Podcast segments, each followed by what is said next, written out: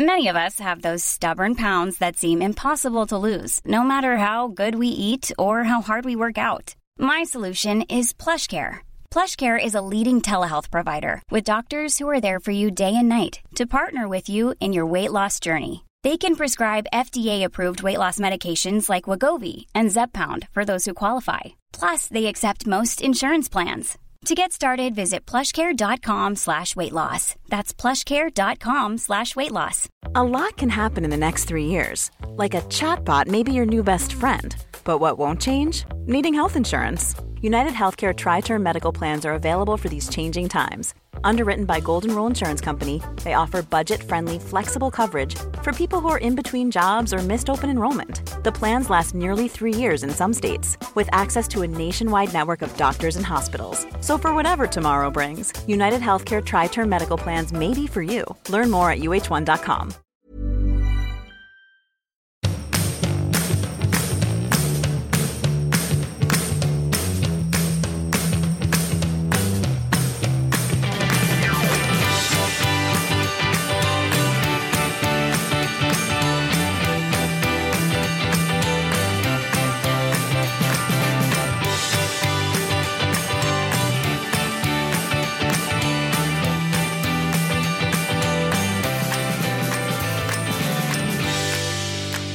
Ann, har du varit i SVT-bubblan på Gotland utan telefon?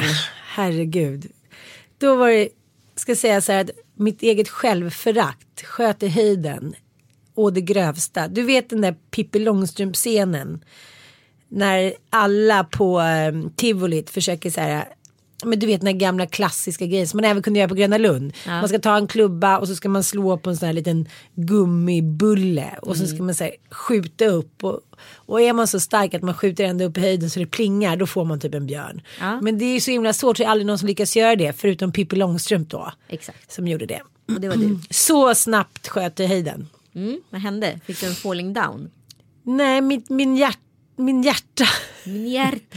Min hjärta, min eh, hjärna fick en total kortslutning efter dagar av liksom super, super överprestationshets. Eh, jag skulle först på din lanseringsfrukost med Sniff Ja.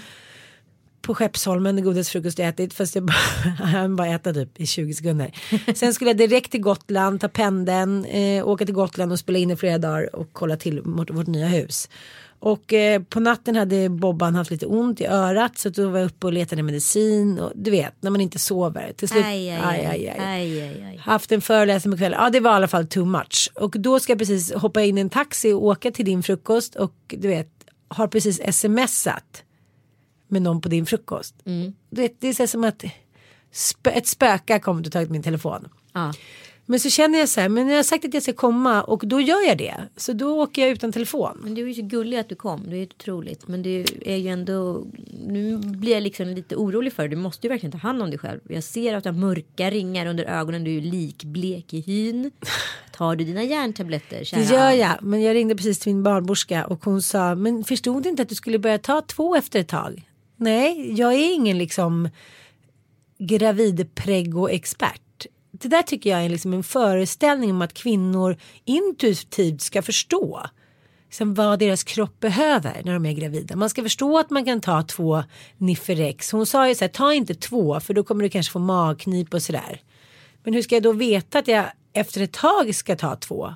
Det ska jag läsa på kanske. Ja, det är ju så att ganska många då som har varit gravida får ju också läsa på en sån här bok som nu handlar om hur det är att vara gravid. Ja. Den boken var ju några år sedan du läste. Du kanske inte skulle göra någonting om du uppdaterade din kunskap. Nej men det är lite löjligt för att man tänker så här nu är det här mitt femte barn nu ska jag kunna allt men jag sitter ju alltid och tjuvlyssnar på andra som har bebisar eller är gravida för jag har ju helt glömt bort. Ja. Men så är jag liksom lite för stolt för att jag ska uppdatera.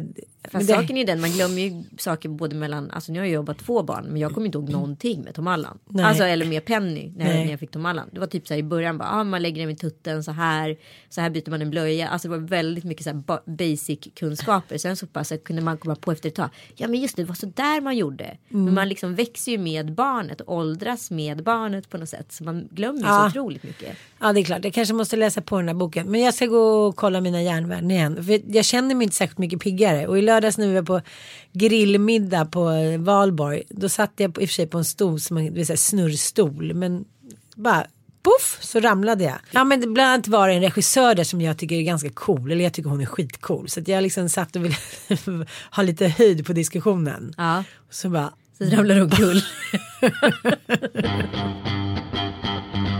Det finns ju ett, eh, ett förakt för svaghet i Sverige som jag tycker blir väldigt, väldigt tydligt just eller en, rädsla kanske för svaghet för man har aldrig pratat om den eftersom vi har Jante och Luther och allting. Men jag tänkte även på när människor dör i Sverige som när min mamma gick bort. Ja.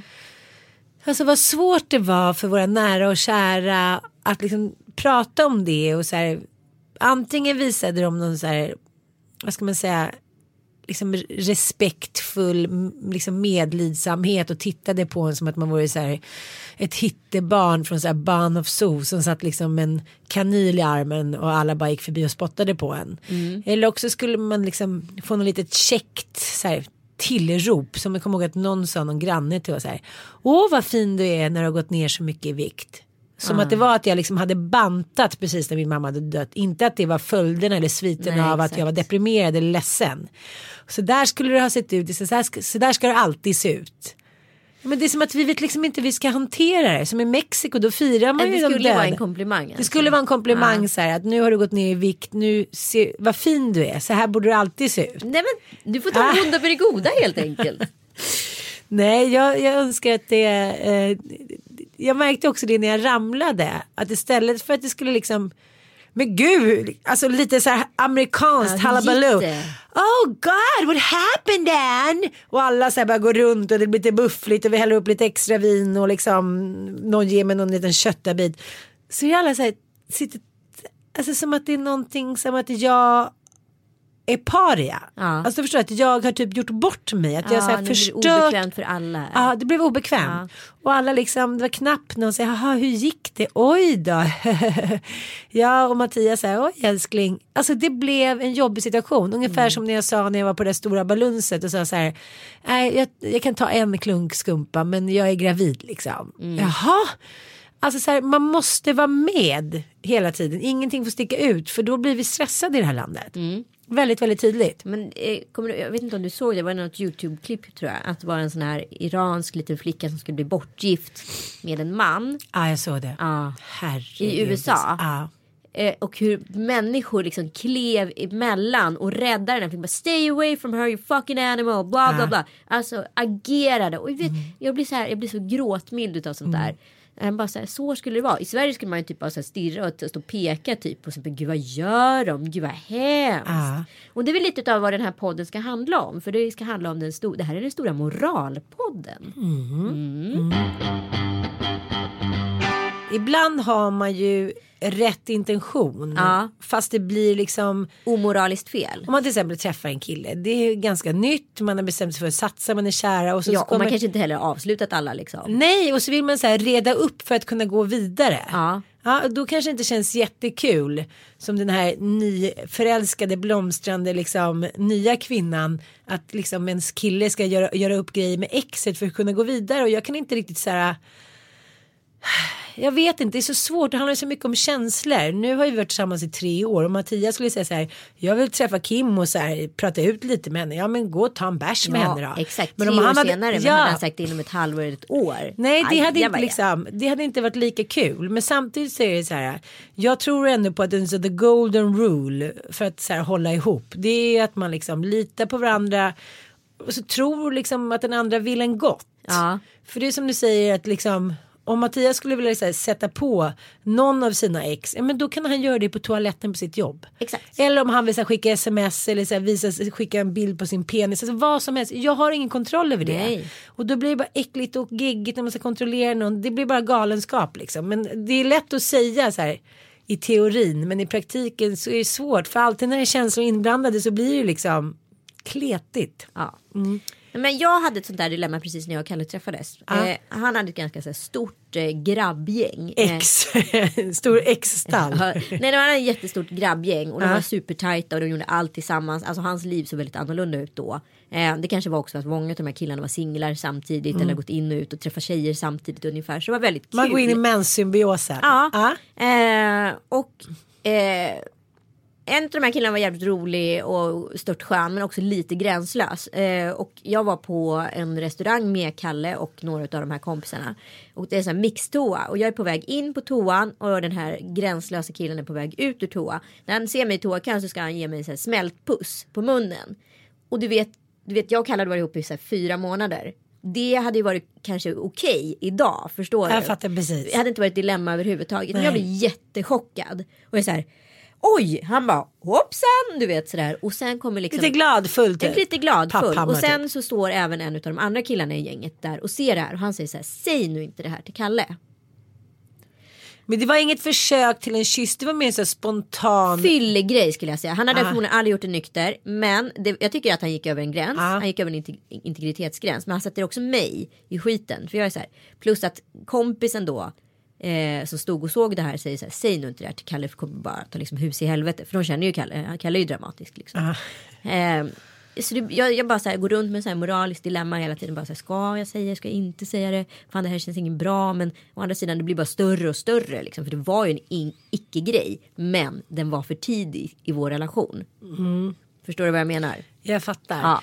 Och, det, och samtidigt vill ju inte jag vara den här tjejen som kommer in och kraschar den här stora härliga mansgruppen som älskar att hänga. Jag vill ju inte vara hon. Jag är ju livrädd för att vara hon. Så jag satt i ett jättemoraliskt dilemma här. Ska jag säga eller ska jag inte säga? Sen kom i alla fall nyårsafton. Eh, och som sagt år ett bråkar man ganska mycket. Nyårsafton kom och samma så här, gäng är liksom med. Och då säger den här eh, killen på fyllan så här bara ah, nu gick ju förlåt jag gjorde ett sånt jävla övertramp men eh, det är väl lugnt det har vi sagt till Kalle och så och Kalle bara sagt vad då? Titta på mig. Och då ser ju den här killkompisen då att jag inte har sagt och Jag här uppstår inte. ju problemet. Han bara, jag trodde inte så gott om dig. Fan, jag skulle hållit tyst typ. Ja för då hamnar jag, nu blev ju ba, jag bara syndabocken här. Så jag var alltså den som hade hållit käften om en puss slash kyss, ingen tunga, inget sånt med blöta läppar kan man säga så. Ja, så kan man säga. Eh, och liksom, ja, borde, alltså grunden är, jag skulle ju bara sagt direkt. Ja. Men nu blev det ju en super, super grej här. Förstår du? Det här är ett moraliskt dilemma som man inte riktigt känner så här. Här kan jag ha problem med kompassen. Mm. Jag, jag vet moraliskt att jag borde så här, skitit i vad killkompisen sa. Jag borde skitit i alltihop. Jag borde sagt till Kalle direkt. Risken fanns ju då att det skulle ta hus i helvete. Nu tog det hus i helvete ändå.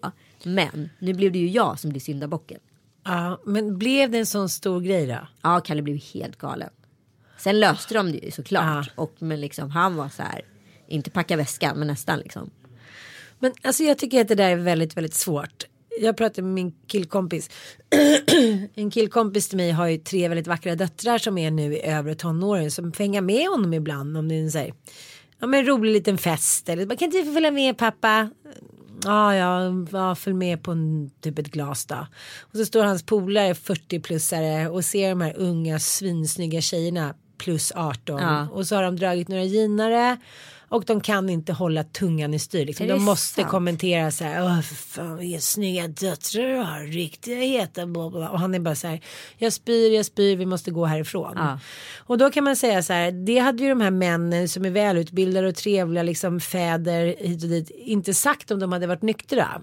Nej. Så det är alltid den här spriten. Det är ju som den där killen som du Ja. pratar om. Han kommer ut från toa. Man är uppe i den här liksom al- alkoholenergin. Alla är härliga. Man är lycklig för någons skull. Man är ung. Bla bla.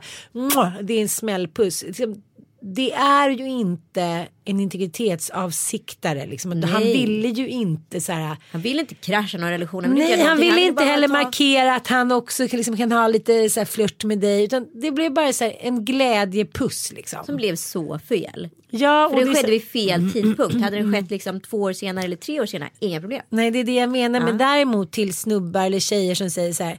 Ja men det var på en firmaresa. Det var på liksom Åland. Jag var så packad liksom. Annars skulle aldrig hänt. Förlåt älskling förlåt. Då menar jag där när man har levt ett tag. Det här är ju också svårare. Är du 18-20 då vet du inte liksom vad den här, så här tredje hallonshotten innebär för din moral, för liksom din gränslöshet och liksom för din fylla. För ibland kan det ju vara så, det har vi väl alla varit med om att man liksom har varit så onykter att man nästan inte haft kontrollen över ja eller nej, eller Ja, rätt ja, eller fel. gud, ja. Men sen när folk börjar komma upp i så här, runt 30-årsåldern och fortfarande börjar så här, dra den där gamla liksom, spritvalsen. Då blir jag så här. För idag och sen tio år tillbaka ungefär. Då vet ju jag exakt. Om jag tar den där tredje hallonshotten, om jag liksom hänger med på den där efterfesten, om jag bla bla bla. Nej, men då har jag stoppat handen i syltburken och då vet jag att det kan skena.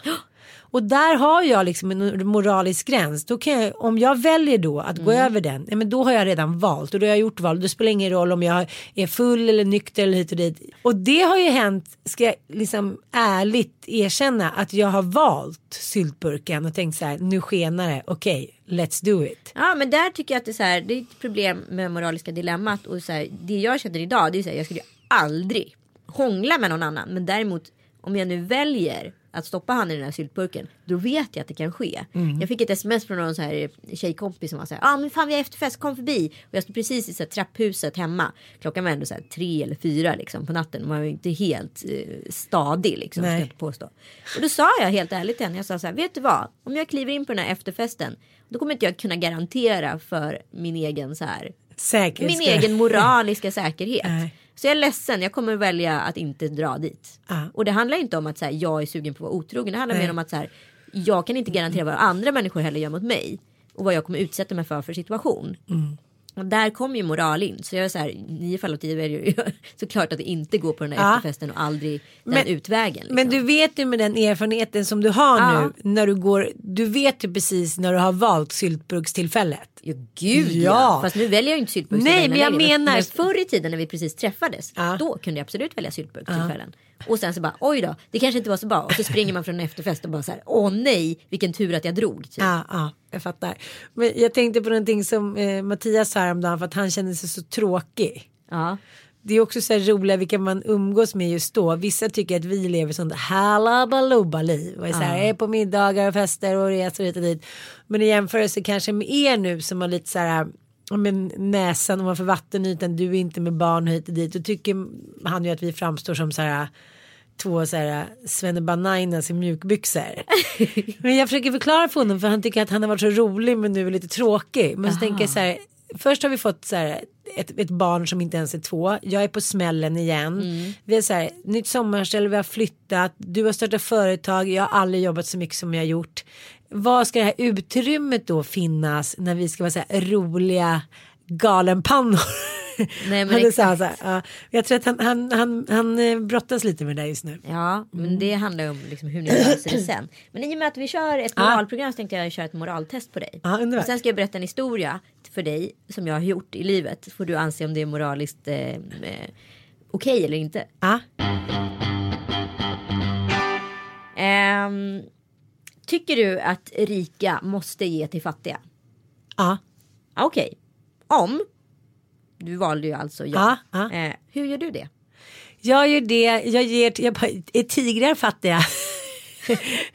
Nej men jag ger till klassiska liksom, ja men Unicef, SOS, Unicef, SOS Barnbyar. Ja. Och sen så jobbar jag ju för SOS Barnbyar. Ja. Nu ska jag göra Postkodlotteriet. Ja. Eh, jag gör en podd. Ska jag skänka pengar till eh, en skola i Sydafrika. Eh, jag ger pengar till... Ja, Okej, mina- du är en giver.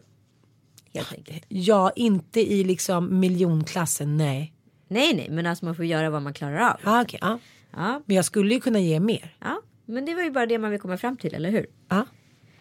Eh, är det moraliskt okej att döda djur för mat eller kläder trots att vi kanske misstänker att djuret lider? Åh, vi pratade om det där i helgen. Att man vet ju. Jag köper ju nu för tiden bara ekokött. Mm. För att jag tänker att då har de mått bra. Ja. Men min uttalade liksom. Det är inte så här att jag har åkt till farmen och kollat om kycklingarna går fritt. Alltså det där är svårt att veta för man, är så här, man tittar ju bort lite, man har lite skygglappar. Så jag tycker ju inte att det är moraliskt liksom riktigt men jag har ju ingen riktig koll på vad jag köper. Nej. Okej, jag fattar. Vad svarar man liksom? Förstår vad jag menar? Är det moraliskt acceptabelt att döda en person för att rädda tio personer? Ja. Är det moraliskt okej för gravt handikappade att köpa sexuella tjänster? Ja. Är dödsstraff okej? Tänk om att någon skulle meja ner hela din familj. Och vara ett psykopat. Skulle du känna hämnd? Otrolig hem, men jag tror inte på att man ska leka gud. Det är då jag tycker att så här, då blir hela världen helt snedvriden. När jag först liksom, jag om jag mördar någon kan bestämma att jag är gud. Sen ska de som straffar mig tillämpa samma princip. Men när jag hör så här barn som blir våldtagna, uh, pedofil, då känner jag så här, men ställ bara upp och skjut dem. Så att det är så en sanning med modifikation, men jag tror inte på dödsstraff. Är vissa kulturer bättre än andra? Ja. Är det okej att hämnas? Ja. Får man vara elak mot någon som varit elak mot andra? Ja. Är det okej att ljuga för egen vinnings skull? Ja. kan du utveckla? Så här, det är ungefär som lite som att vissa säger att kvotering är orättvist. Om jag skulle stå så här i ett, eh, ett liksom sammanträdesrum med tio snåla jävla gubbar som tycker att de så här, har känt varandra sedan typ Lundsberg-tiden och de frågade mig någonting som var avgörande. Japp, jag skulle ljuga som en häst skiter. Bra, nu vet jag. Då vet jag, det är bra älskling. Ja, jag, jag svarar inte på de här frågorna. Ja, men men jag, är, jag tycker så här, jag är en väldigt lojal person. Och då känner jag att om jag skulle ljuga några gånger så tror inte jag att mitt förtroendekapital skulle liksom helt gå i botten. Nej, gud alla människor ljuger hela tiden. Ja gud, men jag kör ju mest med töntiga lögner så här. Men har du gått ut då från lägenheten? Ja, fast jag typ står i duschen. ja, exakt. Du är ju världens sämsta på att ljuga också. Man bara hör att du ljuger så hårt. Ja, Mattias bara, jag orkar inte. Men jag gjorde en grej när jag var tonåring. Eh, för att finansiera liksom mina stud- min studietid. Ja. Jag fick alltså studiebidraget när jag var, bodde hemma. Det tror jag på 650 kronor eller 850 kronor. Eh, och det är inte speciellt mycket när man är 16 till 19 år. Nej, absolut Det är väldigt lite. Och det var Ja. inte så att jag så här, hade tiden riktigt att ha ett extra jobb. Jag, jo, jag sålde munkar ibland och sådana där grejer. Eh, I mån av tid så jobbade jag. Men i mån av icke-tid så var jag tvungen ändå att ha pengar. För jag ville göra, köpa dyra kläder och jag ville köpa massa musik och jag ville åka på konserter. Eh, så då kom jag på ett ganska slukt system. Enligt mig själv. Jag gick alltså in på en viss klädkedja. Snodde kläder. Ja. Eh, utan larm. Slängde ner min påse. Du hade ju typ ingenting larm. Nej, jag vet. Nu har jag allt larm. Ah, det här går inte idag. När Eh, du provade sist. när jag provade sist. Nej, men jag, jag, för sista grejen snodde var faktiskt en eh, resväska i Paris när jag var 22 år. Oj! För att kunna ta mig hem. Late bloomer. Late Ja, bloomer. ja. Eh, men jag jag började snatta ungefär när jag var 16. Och sen så höll jag på med det här ganska frekvent till jag var 18 skulle jag säga. Ehm, Du åkte aldrig fast? nej! Jag var Wow. riktigt bra. Jag var riktigt bra. Ja, Hur som helst, jag hade en påse som jag hade så bläddrade jag liksom mellan kläderna och då kände, muddrade jag egentligen bara kläderna och kände om de hade larm eller inte och då släppte jag direkt ner dem i påsen. I den påsen med märket Ja, då? från det smart. butiken. Ja, ja. Och sen gick jag ut från butiken och sen eh, gick jag till en annan butik utav samma märke. Men var du så iskall Ja, att du köpte också ibland? Du hade redan snott i väskan? ja i men typ påsen. köpa något litet för kassan. Ah, läppglans. Men helst av alltså så många till att komma ut ur butiken så fort som möjligt. Och ibland blev man ju stoppad. Då hade man ju ändå påse från butiken med ett kvitto i. Fast på några andra köp. För det kollade Aha. de inte så noga. Ehm, och det är ju lite jobbigt att stoppa en med en påse från butiken snarare än att så här, ertappa någon i, ett, eh, i en provhytt. Och de här vakterna de hade, de satt ju redan vid provhytterna. De var ju aldrig liksom ute i butiken. Hur som helst så gick jag ut i butiken, antingen väntade jag en dag eller så gick jag direkt till en annan butik. Då hade jag inga kvitton på kläderna jag köpt. Köpt snott. Ja. Så då fick jag alltså presentkort Aha. istället när jag returnerade plaggen. Tog presentkorten, gick och köpte kläder som jag inte ville ha. Ja, Då fick jag ju kvitto.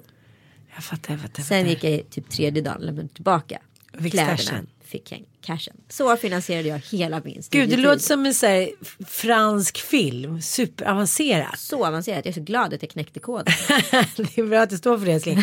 Själv snodde jag mer så här rosa porslinselefanter. och så här. det var jättekul. Men jag snodde också kläder liksom. Men jag kommer inte ihåg hur mycket. Åkte du fast? Nej jag åkte heller aldrig fast. Men eh, vi, vi var också så här, fan jag bodde i Farsta, Hasch-Farsta. Så här, folk gjorde ju inte annat än bröt sig in på NK typ snodde liksom Lacoste-tröjor.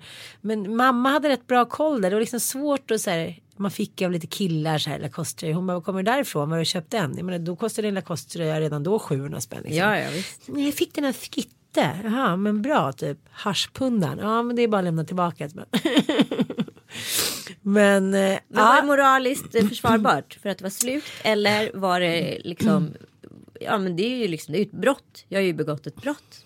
Förmodligen preskri- preskriberat vid den här tiden. Jo, jag vet. Men, men problemet är det är ungefär som man ser så här Ocean 11, Ocean 12, Ocean 13. Eller när man läser om liksom brott som så här har liksom begåtts så jävla snyggt. Då är det så himla svårt att tänka så här, gud vilket dåligt så här. Dels ingen har blivit skadad. Två, det vill säga man lurade storbanken, storkedjan, bla bla bla.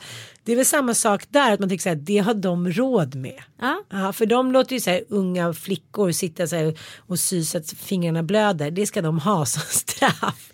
Förstår det är ju ännu mer Jo, men om, jag, om du skulle sagt att du hade varit inne i liksom min syrras affär eh, till exempel i Mälarhöjden och snott allting. Då skulle jag tyckt så här. Fan det slår ju hårt mot henne. Hon jobbar hårt. Hon har den där butiken ensam bla bla bla. Men du får ju stilpoäng. Men det är ändå inte moraliskt försvarbart. Nej det är inte okej. Nej. Nej. Det är det faktiskt inte. Och sen var du lite för gammal. Jag var så här mellan 11 och 13. Du var så här mellan 18 och 22. Nej jag var inte mellan 18 och 22. Jag var mellan 16 och 18 och sista grejen jag någonsin snodde. Men, hur, var... men det tycker jag är så här, du, bara, du, du är så här Jung och Freud typ, eller vad det heter, trolleri. Hur fick du ut en resväska? Du var så alltså, iskall. Det, det, ja, men du, du var så nervös för, för då hade jag inte snott på flera år heller. Och vi var nej, så nej, jävla du hade inte i dig. Nej men vi var så jävla fattiga också när vi bodde i Paris för vi shoppade upp. Oj oj oj det där är en annan. Det där är ett helt program skulle jag säga. Ja, Paris. Paris. Du är Paris. Ja och sen ska vi prata i våran Du och jag har aldrig varit i store Paris. lördag om Svennis Ja, grejen. det ska Den är riktigt rolig. Just ja, Storlördag är ju alltså ett koncept där vi släpper en extra podd i veckan. Ja Och den, och den kommer ju då på lördag. Ja precis. Ja, Och den heter inte den här lördagen, men om ett par lördagar. Den här lördagen är vi i Tel Aviv och ligger med håriga ben upp och säga. Nej, nu har jag i alla fall rakat murvlan. Trevligt. Ja, det blev stopp i öronen. Fräscht. Fortsätt. Okej, men berätta. Hur gick det ut med en Nej lastpanna? men höll alltså jag hade så mycket grejer med mig att ta hem. För då hade jag bott i Paris i ett halvår. Då skulle jag åka hem. Och eh, ehm, ja, jag behövde helt enkelt en resväska. Så jag går alltså in på Galleri Lafayette. Jag tror resväskorna på den tiden var högst upp. Bredvid barngrejerna. Eh, så jag går och kollar liksom på massa resväskor. Låtsas vara en spekulant. Kikar runt där. Upptäcker att en resväska, en Samsonite, inte har något larm. Tänker så här, den här är alldeles för stor för att stoppa i en påse. Om man köper en sån här så kommer man ju få resväskan och så är det ju egentligen bara att gå ut. Det är ganska många resenärer här inne som är på väg till flygplatsen och typ ska plocka upp någonting på sist, det sista de ska göra. Innan de åker, tar liksom RERen ut till eh, eh, Charles de Gaulle. Okej, let's try. Tar hissen ner och då gick, går ju också en anslutande väg direkt in i tunnelbanan från eh, bottenvåningen på Galleri Lafayette. Ah, det betyder också att jag var på Galleri Lafayette väldigt många gånger. så jag kan det där stället utan och innan. Du bara 12 o'clock. 12 o'clock. Då kommer mannen i mustasch. det pulspåslaget jag hade då. Så jag tar den här resväskan ganska stor, liksom rullar med med den från avdelningen, märker att ingen ser. Eh, och tar liksom hissen istället för rulltrapporna för då hade det varit så uppenbart att man kunde ha framat mig. Och du vet varje plan så här med hissen stannar på så tänker jag nu kommer vakten, nu kommer vakten. Men han kom inte. Jag tar, jag går igenom tänker nu kommer det pipa, nu kommer det pipa. Går ut till hissen, eh, eller till tunnelbanan och sen så hoppar jag på tåget och drar. Jag skiter egentligen i riktningen, jag tänker bara, bara ta mig därifrån. Ah, Eh, och sen kan jag lösa min hemväg hur som helst. Sen. Ah. Ja, så det gick. Men hur skulle du vilja beskriva den där kicken? Så här, när du väl... Efteråt är Ja. ju kicken enorm. Alltså det är Mm, ju liksom, eh, ja jag kan väl erkänna att jag har te- testat droger i mitt liv men liksom det slår ju allt. Ja, efteråt den är Ja. bara... Ja, den, den är sjuk. Mm. Men samtidigt så är den så här, den är nästan för plågsam innan Ah. så den är inte värt det liksom. Nej. Men det var sista gången jag snattade i alla fall. Men idag då, det tänker jag så här. Jag är en stor förespråkare av så här små äta godis Mm. i butik. Särskilt nu när jag är gravid. Alltså, det kan, Du tycker att det är okej? ja men nu när jag har så här otrolig sockerbehov för att jag har någon form av järnbrist eller vad det nu är, Ja. eh, utbränd eller vad det är. Så att sen när jag kom in i affären så känner jag så här, om inte jag går till den där hyllan med det där eh, ja, godiset så, så kommer jag inte klara mig fem minuter till. Nej. Tänk om jag bara får stoppa in en fisk i munnen eller någon gammal gelégroda eller någonting. Sen plockar jag och handlar lite också. Ja. Så tar jag det i bilen när jag handlat så smäller jag i med det och så går jag i lägenheten. Typ hela tiden. Men ja, och då säger mina barn åt mig nu för tiden så här, sluta mamma, det där är pinsamt. Ja men det skulle jag faktiskt också kunna våga säga. För att det där tänker jag på när jag är ute med Penny. För det var någon gång hon tog. Förmodligen för att jag tog. Ja, det är utan det jag att tänka menar. på det. Och då var det så här, nej men det där är fan inte okej. Nej, Alltså nu, Nej, är jag får liksom, skärpa nu mig. får jag liksom Jag får brott mig. att så här, förflytta ner en generation. Så nu snor inte jag längre. Men Små jag, tänker mina kompisar som är ungefär så här 10-15 år yngre. De håller ju också fortfarande på med det som man själv gjorde. Skulle sno från krogen. Vadå? Så ett glas, ah, en ljus, liten ljusstake. Att det var lite så här trofé att man kom hem. En tjejkompis till mig har så här, värsta snygga servisen typ från Berns. Hon tog alltid ett glas, liksom ett vinglas. Nej men gud jag orkar inte. Men jag snodde några grejer då. På Ja. den tiden. Det var, här var jag också runt 20. Då snodde jag eh, sån här Peugeot salt och pepparkvarn från Café, Opera. Och sen Café snodde jag en ishink från Billionaires Club i Paris. Ishink, du- hur fick du med den på huvudet? Bara, handväskan. "Äh." Jag hade en sån här Louis Vuitton bucket. Den var helt perfekt där. Vi ska på weekendresa till Tel Aviv och eh, vi kommer podda därifrån också. Ja. Jag har ju varit i Tel Aviv flera gånger och det är en av mina bästa städer. Det är ju som ett så dirty Miami. Om man liksom har, koll på Tel Aviv så kan man ju ha det roligaste ja, tiden på jorden.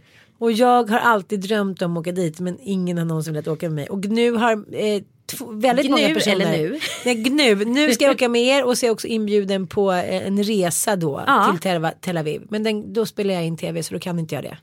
Nej men alltså det här kommer bli fantastiskt. Mm. Men det enda jag känner är så här att ni kommer vilja parta loss lite och jag ser ut som en lastbilschaffis. Kommer jag då Ska jag köpa någon så här empireskuren klänning så att jag ändå kan vara med utan att folk ser att jag är gravid och ändå så här låtsas att jag Eller har du tänkt det här som en partyhelg? Jag känner, jag vill, Nej, jag ser det här Nej. mer som att vi ska så här, typ sova ut på morgonen. Eh, Långa frukostar. Långa frukostar kanske. Och jag kommer träna en hel del. Shopping. Jag älskar ju att träna där. Då kan jag träna världens med dig. längsta strand liksom mitt i stan.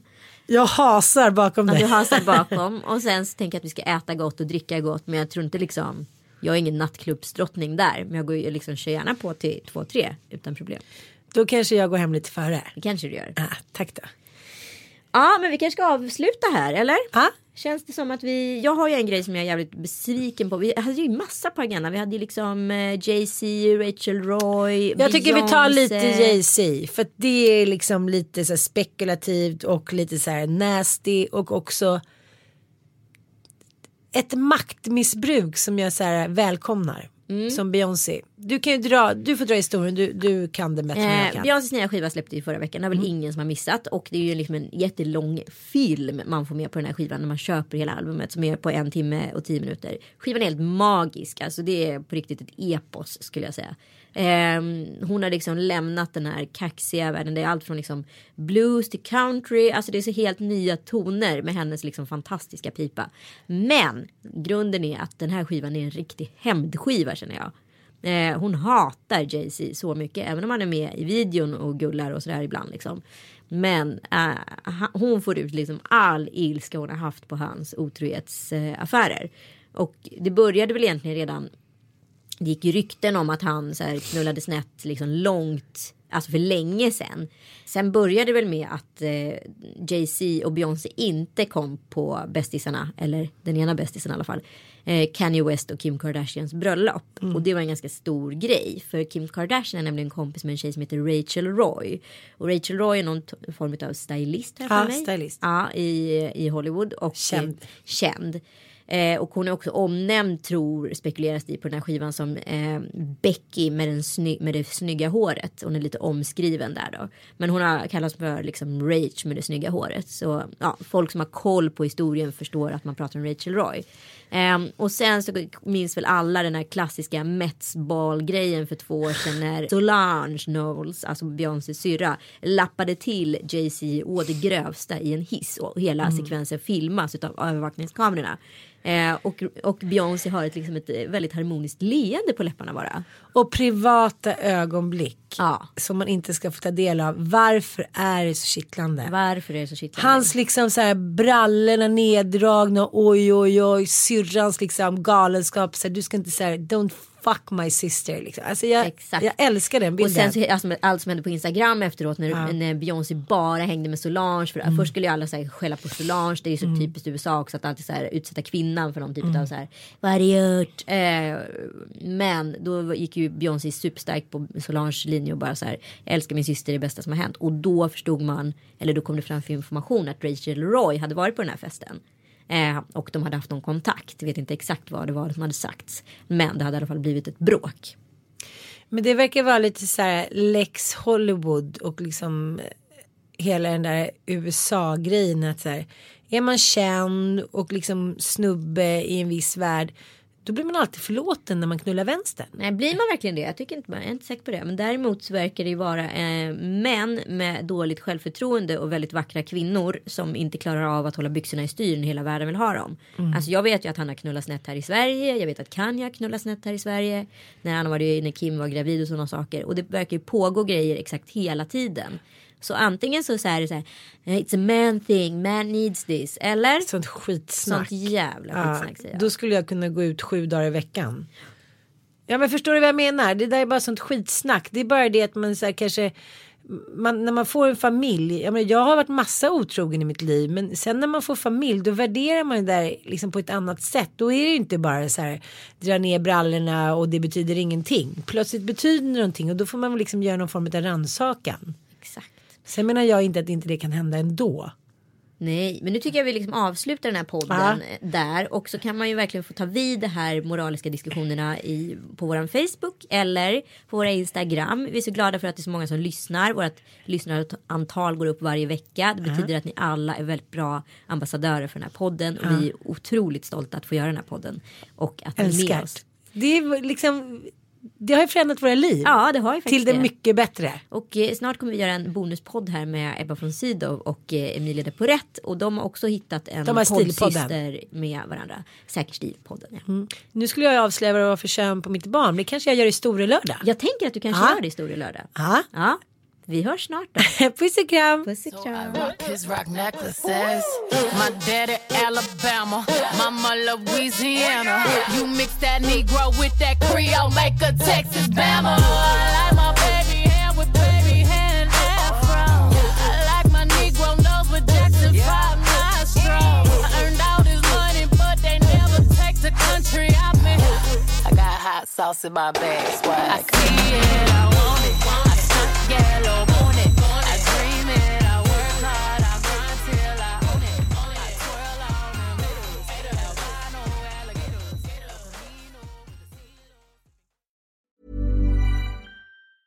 Even when we're on a budget, we still deserve nice things.